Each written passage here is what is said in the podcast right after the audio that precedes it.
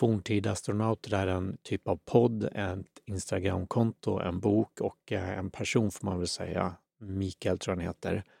Han gjorde något uttalande på sin podd eh, som jag hörde där han sa att innehållet, hans content, ska skifta från att vara mer fokuserat på ja, men, forntida astronauter först och främst är ja, men, astronauter då som kommit bakåt i tid, forntida, det vill säga ja, men, aliens som egentligen har kommit, som har rest till jorden och eh, är orsaken till att vi haft eh, ja, men religion, olika, olika, typer av religioner som uppstått och även mer avancerad civilisation, så som hur pyramiderna byggdes och sånt.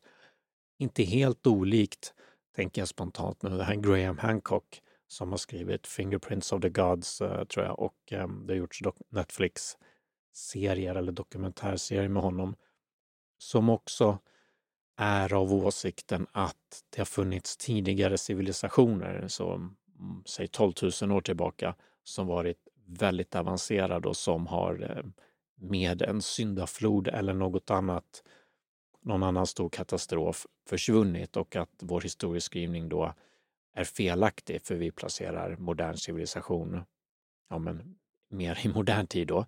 Medan eh, den här tiden då, 12 000 år sedan, så skulle det inte funnits sånt. Där Graham, Ham, Graham Hancock dock skiljer, dock skiljer sig åt är att eh, han anser, som jag förstår i alla fall, mer bara att eh, det är eh, människor som har utvecklats och sen så har civilisationen gått under och så har vi blivit eh, a with amnesia, alltså vi har glömt bort det här då och så har vi fått lära oss ja, med matematik, skriva alla de här grejerna igen. Medan Mikael då på forntida astronauter menar att det har varit forntida astronauter som lärt människorna det här. Och som också fallit i glömska förvisso tror jag. Och ehm, ja, så på den vägen. Okej, okay så det är ju dock, likt Graham Hancock så kan man säga att det ändå är fysiska ting mer. Att det är fysiska varelser. Ehm, ja, men Graham Hancock har inget övernaturligt så vitt jag förstår. Det är inga paranormala övernaturliga i den meningen andliga saker som händer. Även om eh, jag gissar att Graham Hancock har en viss typ av andlighet, men här när vi pratar om tidigare civilisationer så är det inte någonting övernaturligt, så vitt jag har förstått i alla fall. Jag är ingen expert på det. Men, men på samma sätt med eh, forntida astronauter, då vår svenska Graham Hancock nästan, fast inte riktigt, menar också att det här, eh, eller menar inte, men så som jag har förstått innehållet så har det mer handlat om att förstå att om vi tittar på Sphinxen så ser vi de här problemen här och vi tittar på människor beskriver eh, jättar eller män i olika gamla religiösa texter, eller att de kan se, de vet massa saker om eh, stjärnor och sånt eller planeter som de inte kan se hur har de fått den här informationen? För de har inte verktygen eh, och redskapen till det. Och då är då idén att, nu är det väldigt förenklat, men att idén är att de har fått den här informationen, de har fått den här hjälpen, därför har man kunnat bygga pyramiderna, därför kan de veta de här sakerna om eh, universum och därför ja, har de byggt också pyramiderna på det sättet som de har gjort det exempelvis. Okej, okay. men allt det här är fysiskt då, så det här är i om vi ska prata de här begreppen 3D, 4D, 5D, så 3D är ju tre dimensioner. En dimension är ett streck, två dimensioner så har vi typ som eh, Super Mario, det första Super Mario-spelet, inte Super Mario 64, inte Super Mario Odyssey, inte Super Mario 3D World, utan Super Mario Bros eh, 1 där är tvådimensionellt som man, så som man tecknar på ett papper. Det är tvådimensionellt då.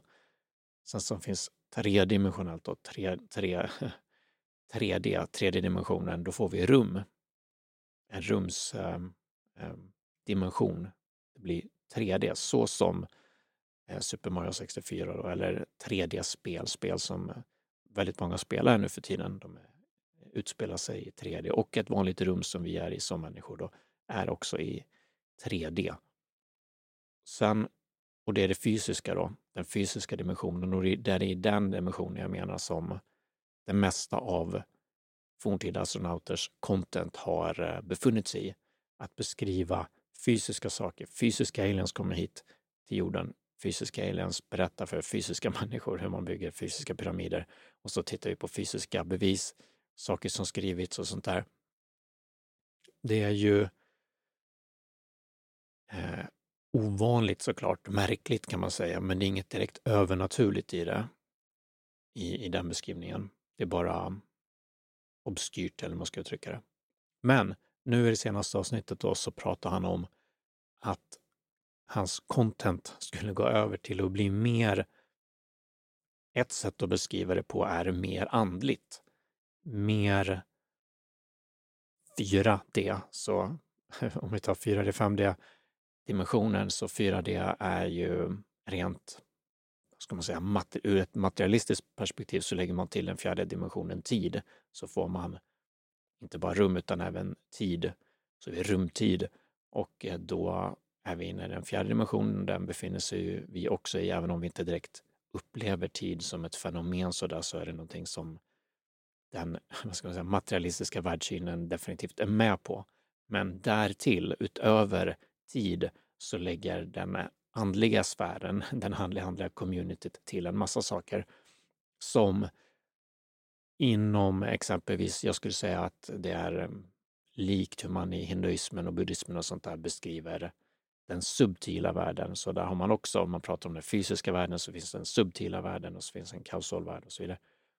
Och i den subtila världen så har vi energier, vi har övernaturliga saker, vi har änglar, demoner, aliens om man så vill. Och då ser vi här en, en, eh, en crossover, en, en övergång till forntida astronauter som går mer mot att prata om vad han, som han själv tror jag beskriver det, paranormala fenomen eller övernaturliga fenomen och i, om man så vill, andliga fenomen i det att de är immateriella. Vi kan inte mäta dem, vi kan inte se dem, de finns inte i den vetenskapliga... Vi kan säga att även fysiska aliens finns det ju inte bevisade, eller man ska säga, men vi skulle kunna se dem om de dök upp. Men om vi pratar om eh, ja, men änglar exempelvis då, då är inte de fysiska i den meningen så som vi är fysiska, utan de är ja, subtila då i den eh, hinduiska traditionerna, i vissa av dem, och buddhistiska. Och i 4D så kan vi prata om energier då, subtila energier, eh, ska man säga, healing, chi, prana, kundalini, allt det är olika typer av andliga energier och vi har också ja, men drömvärlden brukar vi sätta in i den subtila, så det fysiska vakna tillståndet är sammankopplat med 3D då och drömvärlden med 4D. Då har vi drömmar, vi har lucid dreaming, vi har klardrömmar. Okej, okay. så den övergången då är det som jag menar, eller som fortfarande astronauter menar, att han är på väg att gå över till 4D, den subtila världen, och ser då aliens inte enkom som fysiska varelser som kommer till jorden, utan som då interdimensionella varelser mer. Eller snarare, tror det är likt, inte helt olikt hur eh, Jacques Vallée, en eh, ufolog eller vad han kallas, tänker kring det. Det finns ju olika, väldigt många olika teorier och ufologin går att studera på olika sätt. Det ändå går att studera 3D fysiskt eh, och eller så går det att studera, studera mer så som subtila, typ som änglar, interdimensionella varelser. Och med det så kommer det ju en inbjudan kanske till att det går att kontakta dem eller få, få, tillgång till dem på ett annat sätt än vi kanske måste få om vi ska, ha, om vi ska ut i öknen och kolla bara så här, när kommer de och se om vi kan se någonting fysiskt på eh, himlavalvet eller någon, någonstans. Eller hoppa, ja, hur man nu kan göra. För om det är mer som interdimensionella varelser, dels så slipper vi ju åka, även om man kan åka kanske snabbt i mm, väldigt snabba rymdskepp som aliensarna har, så i vårt universum i alla fall, så vitt vi förstår de fysiska lagarna, så går det inte snabbare än ljusets hastighet i alla fall. Och eh, är det långa avstånd så tar det lång tid i alla fall. Men man skulle kunna tänka sig interdimensionella varelser inte är begränsade av tid och rum, likt hur vissa eh, kvantmekaniken eh, går att tolkas som. Att det kan finnas saker som kan ske bortom tid och rum, de här 3D, 4D till och med. Okej, okay, så det menar han att han är på väg att röra sig in mot och den typen av alien eller ufologi eller ufoforskning bedriver bland annat, som jag förstår i alla fall, Stephen Greer som är en annan ufonisse. Lite kontroversiell på olika sätt, men eh, det är väl i princip nästan alla på ett annat sätt som håller på med någonting liknande, någonting sådant. Han har i alla fall, eh, så vitt jag vet, utvecklat något som heter CE5 eller CU5 som står för Close Encounters of the Fifth Kind. Och så vitt jag förstår så betyder Close Encounters of the Fifth Kind, det finns ju de här 1, 2, 3, 4, 5, en typ av klassificering um, som går från att, ja, fenomen till att man ser saker, blir påverkad. Eh, det kan bli väldigt starkt påverkad och abductions, att man blir bortförd och sånt. Och den femte i alla fall är, så vitt jag förstår, kommunikation. Så men, vad ska jag säga, mänskligt initierad kommunikation. Och Stephen Greer har utvecklat en typ av teknik eller teknologi eller gruppmeditation, vad man nu ska kalla det för, som sätter igång den här kommunikationen. Där människor då samlas för att försöka då få till en close encounter of the fifth kind, få till kommunikation med de här varelserna då. Och då måste vi anta någonting som går bortom det materialistiska världssynen för hur ska kommunikationen gå till? Vi har inga komradios, vi har inga mobiler, vi har inga ingenting, utan vi har vårt medvetande bara. Vi har, ja men om man ska tänka telepati eller något sådant. Det är på det sättet den kommunikationen behöver ske då. För vi kan inte kommunicera på något annat sätt. Okej, okay, så i Sverige har också då forntida astronauter redan startat igång serie 5. Igen då så vitt jag vet, jag har inte superbra koll, men det är i alla fall eh, den svenska versionen av Steven Greers CE5 då. Och det finns olika städer och man har samlats och setts kring det här. Och jag vet att vår eh, svenska Roger Gotthardsson som eh, är en typ av psykonaut skulle man kunna säga. Psykonaut i den meningen att han är någon som utforskat det mänskliga sinnet mycket. Han kom från, eh, jag tror han är någon IT-kille som jobbar på med IT-säkerhet, men i det här sammanhanget så handlar det om att han varit på Monroe-institutet. Monroe-institutet är ett institut som Robert Monroe startade upp för han började ha sådana out of body experiences som man säger, eller utomkroppsupplevelser. Den typen av upplevelser tar oss ur kroppen då och då är vi som vi ser i 4D, så vi ser varför forntida astronauter har kontakt med honom kring det här. Det är just det här 4D, det drömtillståndet skulle man kunna säga, det subtila tillståndet eller subtila världen och eh, Robert Monroe i alla fall startade det här eh, institutet, Monroe-institutet. Han utvecklade också någonting som heter Hemisync som är hemisfärisk eh, synkronisering står det för.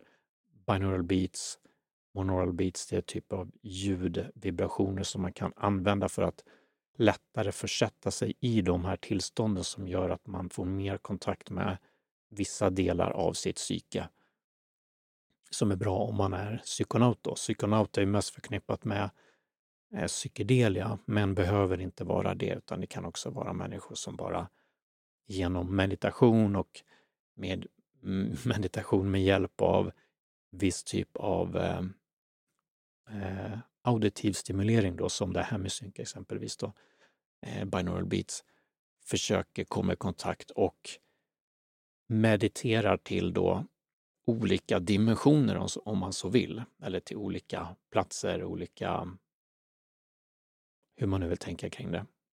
Och göra det enklare kanske för oss eh, att komma i kontakt med varelser, änglar, andra sidan och inte minst aliens då som är det som eh, forntida astronauten och eh, C5-grupperingen då är intresserad av.